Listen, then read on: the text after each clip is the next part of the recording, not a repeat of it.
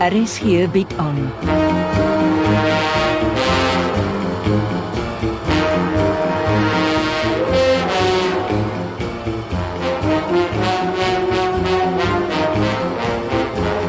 Agendas deur Jo Kleinhans.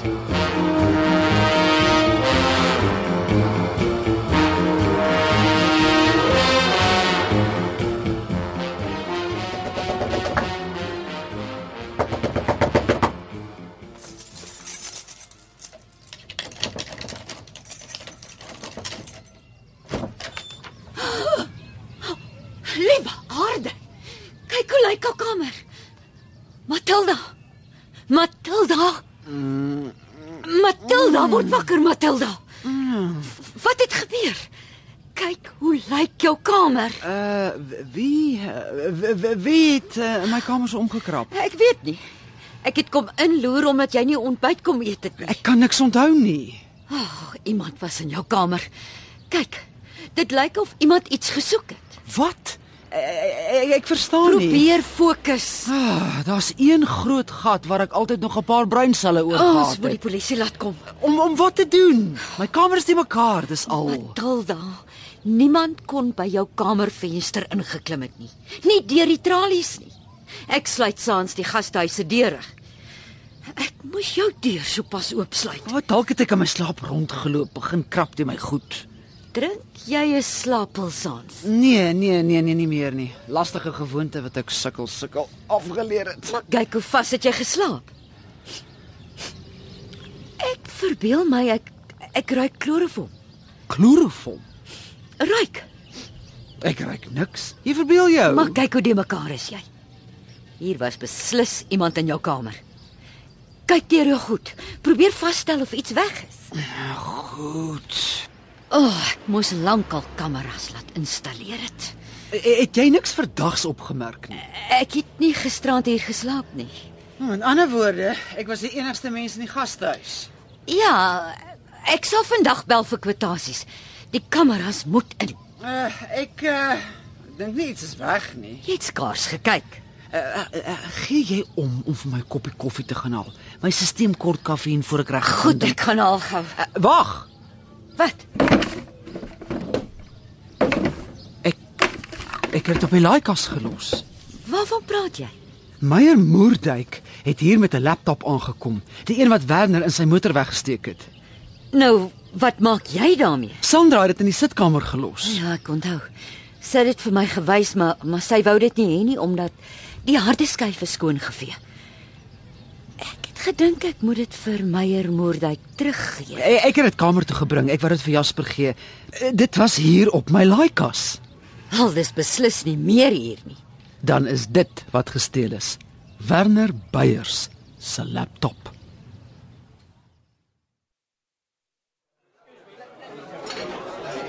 Maandagmiddag en die hoofdirekteur sit in 'n kroeg terwyl hy op kantoor moet wees. Meneer De Jager, Hoofdirekteur Libbe herken my omdat hy op onskuldige landsburgers spioneer. Dis mos al wat jy goed kan doen. gedraai jou of ek laat jou uitsmyt. Ek steur my nie aan 'n pabroek se ydelle dreigemente nie. Sê jou sê of loop, De Jager. Ek pes 'n man wat nie na sy vrou kan kyk nie. Sê die man wat sy vrou en dogter saam met 'n stormdronk Werner Beyers laat ry en hulle laat verongeluk het. Ek het hulle nie saam met Werner laat ry nie. Wag 'n bietjie. Hoe die koerantberigte nou weer gelei? Mevrou De Jager en haar dogter Lali Beyers het na die kunsuitstalling te vergeefs vir meneer De Jager gewag om hulle te kom oplaai. Spioneer jy op my? Nee. Ek gou die Amerikaanse spioen Kate Vanston dop en elke Jan Rap en sy maat met wie sy deurmekaar raak, sien ek wel deeglik raak. Ag so. Nie geweet sy werk vir die CIA nie, nee meneer die Jager. As sy 'n spioen is, hoekom het jy haar nog nie vasgetrap nie? Dis soms voordeliger om eers 'n ruk lank op 'n spioene se spoor te loop. Julle spioene se aand en môre praatjies kom nooit ooreen nie. Kate Vanston misbruik jou om die CIA by die African Research Foundation ingewurm te kry. Dis 'n blink kans om miljoene dollars se ontwikkelingshulp in Afrika in te pomp. Ons sal mal wees as ons nie die geleentheid benut nie. Jy maak verniet of jy Afrika wil help. Al wat jy sien is die kommissie van 'n miljoen rand of meer wat jy weer in jou sak steek. Hulle noem dit entrepreneurskap. ondernemer wat iets organiseer of bestuur, 'n nuwe rigting inslaan. Eh, Bietjie verhewe bo jou staatsdiensmentaliteit, meneer Lubbe. Luister. Ek het in vrede my drankie gesit en drink toe jy hier inbars en beledigend begin word. Dit lyk eerder of jy op my spioneer. Ek het jou toevallig hier sien instap. Toe dog ek, laat ek jou kom vertel wat ek van jou lamsakkigheid dink. Jy sê nog dink jy beledig my dan ry die ambulans met jou hospitaal toe die jager. Ek is nie bang vir jou nie. Danksy jou is my kleindogter haar erfporsie kwyt. My uh, uh, staatsdiensmentaliteit begryp ongelukkig nie wat jy probeer sê nie. Natuurlik nie. Laat ek dit vir jou uitspel. Danksy die feit dat jy jou vrou by jou huis uitgeskop het om alleen in 'n gasthuis te gaan. Niemand bly, het Debbie uitgeskop nie. as jy so sê. Maar toe los jy haar op haar eie om met Werner Beyers deurmekaar te raak. En in jou kroniese afwesigheid het hulle die pap so dik aangemaak dat hy haar sy enigste erfgenaam gemaak het. Hy het wat gedoen? Is dit nie fantasties nie? Debbie Lowe is Werner Beyers se enigste erfgenaam. En dis die geld wat jou vrou gaan misbruik om jou uit te koop. Het ek die prentjie vir jou helder genoeg geskets, hoofdirekteur Lowe?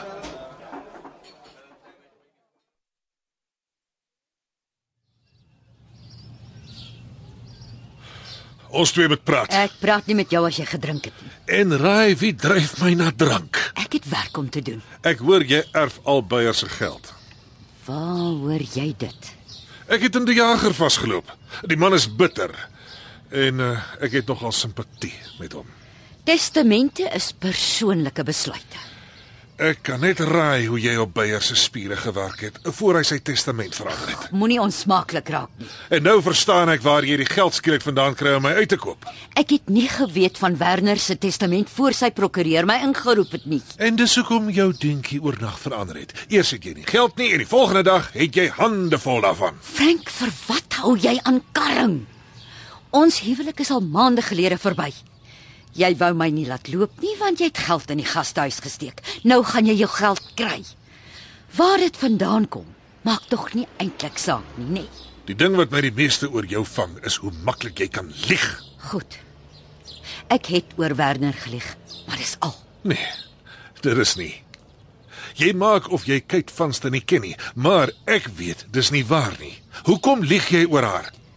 Ah, daar gaan ons weer. Jy en jou paranoia oor die Amerikaners wat op ons spioneer. Dwars oor die wêreld word intelligensieverslae links en regs aan nuusagentskappe gelek. Dis skielik die in ding om te doen. Ag Frank, ek en jy leef nie eers onder dieselfde dak nie. Jy vertel my altyd jy dra nooit geheime verslae saam met jou rond nie. Waar sal ek nou verslae kry om aan nuusagentskappe te lek? O, oh, ek het jou onderskat. Werner Beyer se testament het al die rooi ligte weer aangeskakel. Jy is baie giftiger as wat ek vermoed het. Ons twee is nog lank nie klaar met mekaar nie.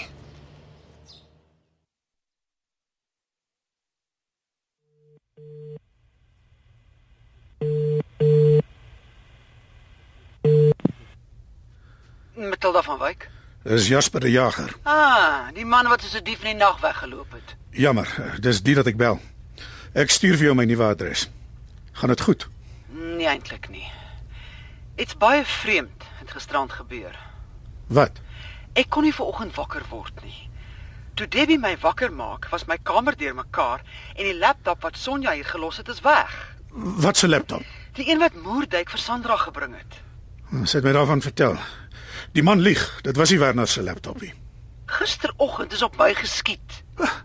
Wat is aan die gang? Ah, Ek was by Klein Nielsen se skool. Ek het hom met die verkyker gesit in doppe, toe brand iemand los op my. En Wat sê die polisie? Wat help dit ek gaan polisie toe? Ek mag mos nie naby Nielsen kom nie. Hulle moet weet as daar op jou geskiet word. Wat sê hulle van die inbraak? Ek is moeg vir die polisie Jasper. Jy moet die soort van ding rapporteer, Matilda. Het Debbie Libbe nie die polisie gebel nie? Nee, ek wou nie. Vervloekte vroumens. Pas haar soos 'n handskoen. As dit nie nog sy is wat in jou kamer gekrap het nie. Maar dis 'n gemeene ding om te sê. Die vrou is gemeen verby. Sy is Werner se enigste erfgenaam. Verbeel jou, sy sit met al Werner se duisende rande. Ernstig. Die arme Sandra moet in die grond wees. Sy is.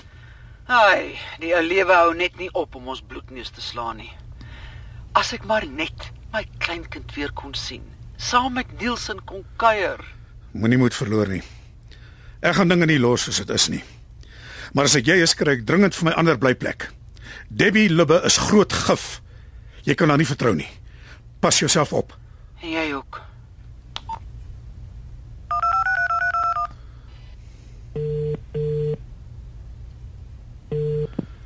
Debbie Libbe, Ek sien Hadida gasthuis is in die mark. Weet Frank dit? jy sal weet, Jasper die Jager. Jy dra mos stories oor my by hom aan. Ek hoor jy wil wegvlug en jou in Botswana gaan vestig. Waar hoor jy dit? Ek het my kontakte. Wat het jy in Matilda se kamer gesoek? Jy eil ou man. Hoekom rapporteer jy dan nie die saak by die polisie nie? Dit's Matilda se besluit. Ek soek dadelik vir haar ander verblyf. Doen wat jy moet doen. Bly net uit my lewe uit weg. Vieslike heks. Wag maar. Elke hond kry sy dag.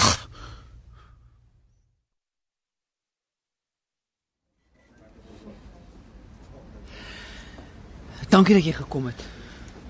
Aarde maar jou kar se ruitte is omtrent vol gate geskiet. Nie 'n enkele skoot in die bakwerk nie, net die ruitte. Hmm, Bedrewe skud. Nee, jou veldsman kan goed skiet. Nou, Glo jy dis hy? Wie anders? Ek sê nog jy moes die saak gerapporteer het. Dis nie 'n goeie tyd vir die polisie nie. My prokureur gaan volgende week 'n dringende aansoek by die hof inhandig. Ons gaan vra dat ek Nielsen oor Kerstyd mag sien. Hmm, ek sien. Debbie. As ek jy is antwoord ek nie eers nie. Ja, Debbie. Jy moet dadelik huis toe kom. Ek laat nuwe ruitte in my motor sit. Matilda, die polisie is hier met 'n lasbrief om my gastehuis te deursoek en hulle wil in jou kamer begin. Kom asseblief so gou as wat jy kan.